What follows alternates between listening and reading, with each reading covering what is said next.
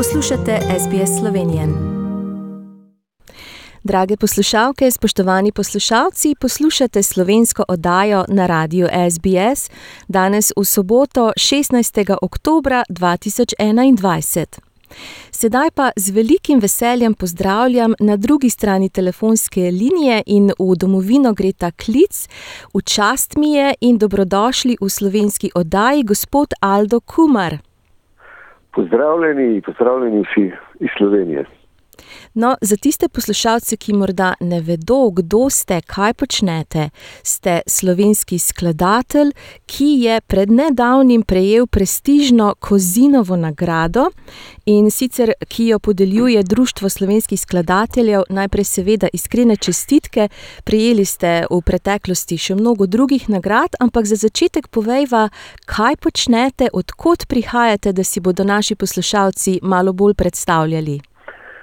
Ja, jaz sem skladatelj, se pravi, to je človek, ki piše glasbo. Včasih, ko sem jaz mlajši, v bistvu sem mislil, da je glasba, ko poslušaš radio, da je kar notrne. V bistvu se mlad človek v bistvu ne predstavlja, da je za tem kar neki dela, se pravi, nekdo se mora neko glasbo zmisliti, jo potem zapisati v note ali pa posneti v studiu in potem jo drugi glasbeniki dobijo, recimo tiste note, in potem jo zaigrajo, jo v studiu posnamejo, in potem se imitira ali pa posname na plošče, CD-je ali pa na hardiske ali pa kamorkoli. In pač ta skladatelj je pa v bistvu tisti prvi človek, ki se zmisle te melodije, pač ki mu nekako uh, potem te melodije orkestrira, to se pravi priredi za orkester. Glavni krivec za vso glasbo je pač skladatelj in to sem jaz eden izmed tistih. Ja. No, in a ste vedno vedeli, da bi radi postali, da, da, da boste skladatelj, ali vas je mogoče v mladosti pot kam drugam hotela ponesti? Ja, v bistvu recimo tam v gimnaziji, začetek gimnazije, prve, prv, prva, prva leta gimnazije, sem v bistvu skoraj bolj hotel postati uh, slikar ali pa literat, pesnik. Veliko sva s enim prijateljem slikala, fotografirala tudi, risala, pesnila in tako naprej.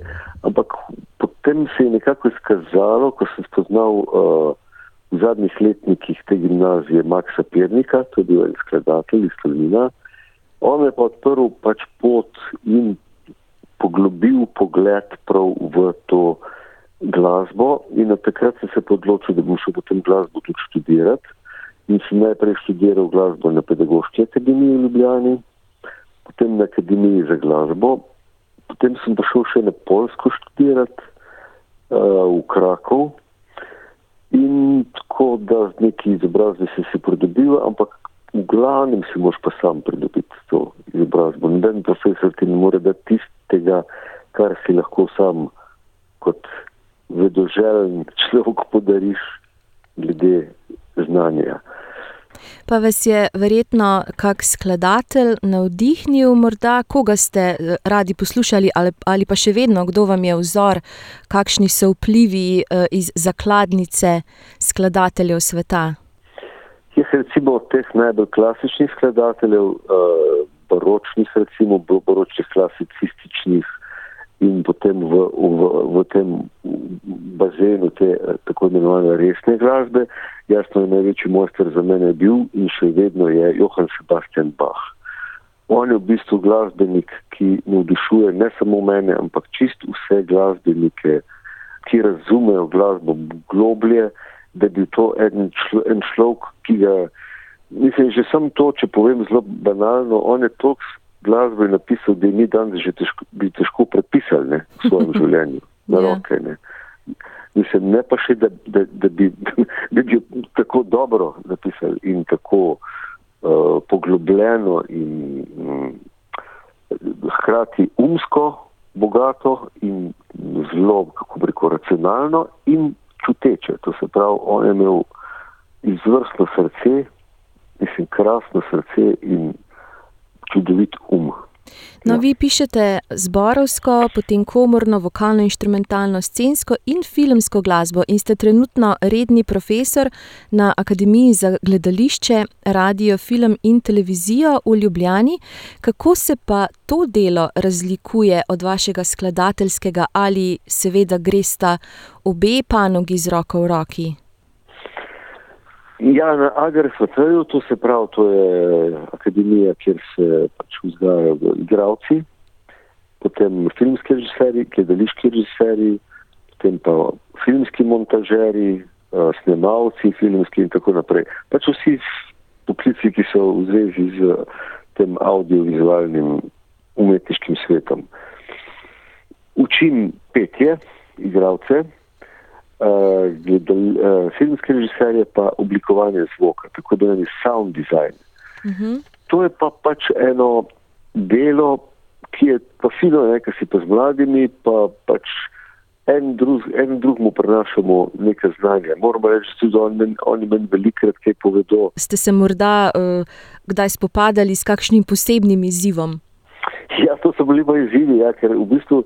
Uh, tole ima na, na, na AGRFT-ju imajo tudi kot sprejemni izpit, v sprejemnem izpitu, da bi morajo znati pet, ampak če pa pač so zelo dobri igravci, da pokažejo na igravskem delu, se jim to, ta posluh odpusti in nekateri pridejo tudi tako do, pevsko do, dokaj zanemareni, to se pravi, da ne znajo pet, da nimajo niti posluha, ampak jaz sem bil prav presenečen, ker se ker se je pokazalo v enem letu človeka mladega, ki ni znal dveh tonov spraviti skrb, je pol na koncu zapel normalno.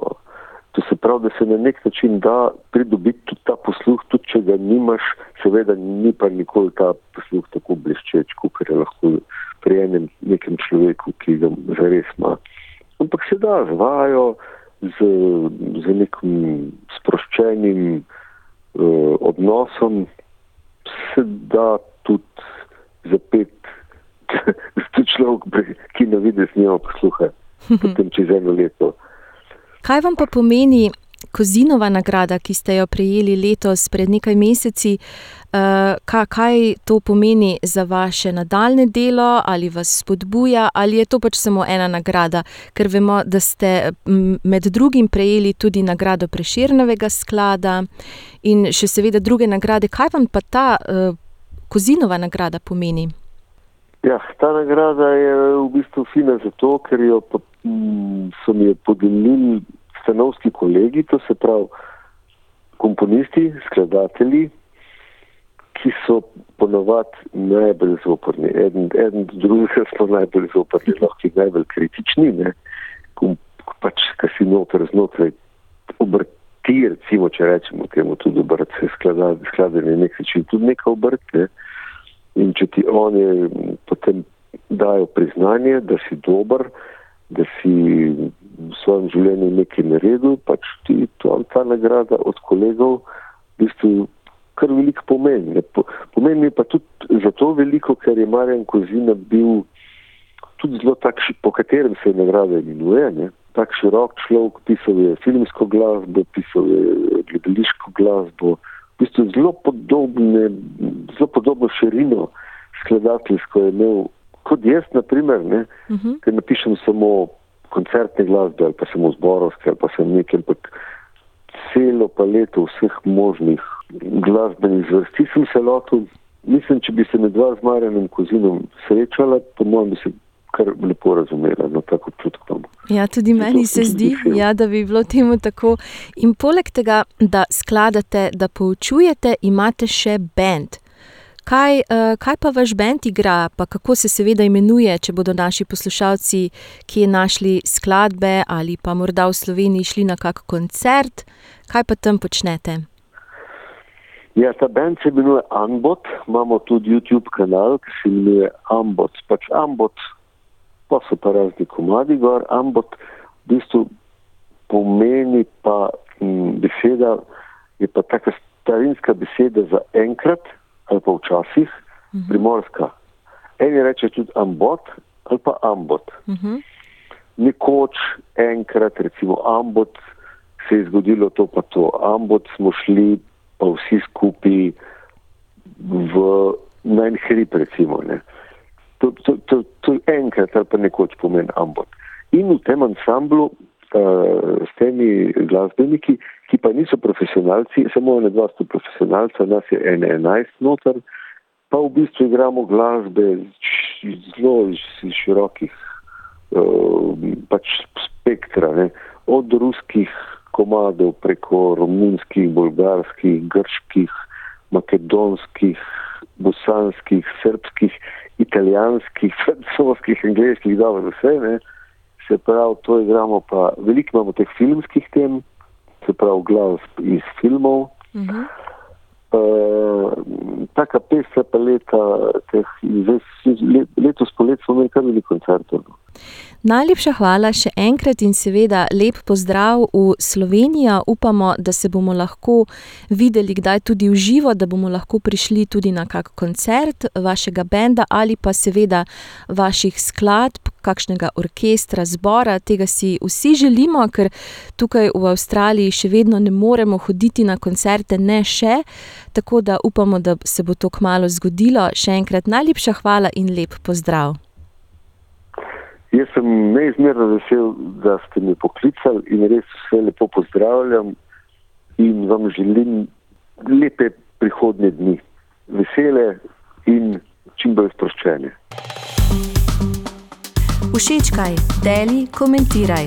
Spremljaj SBS Slovenijo na Facebooku.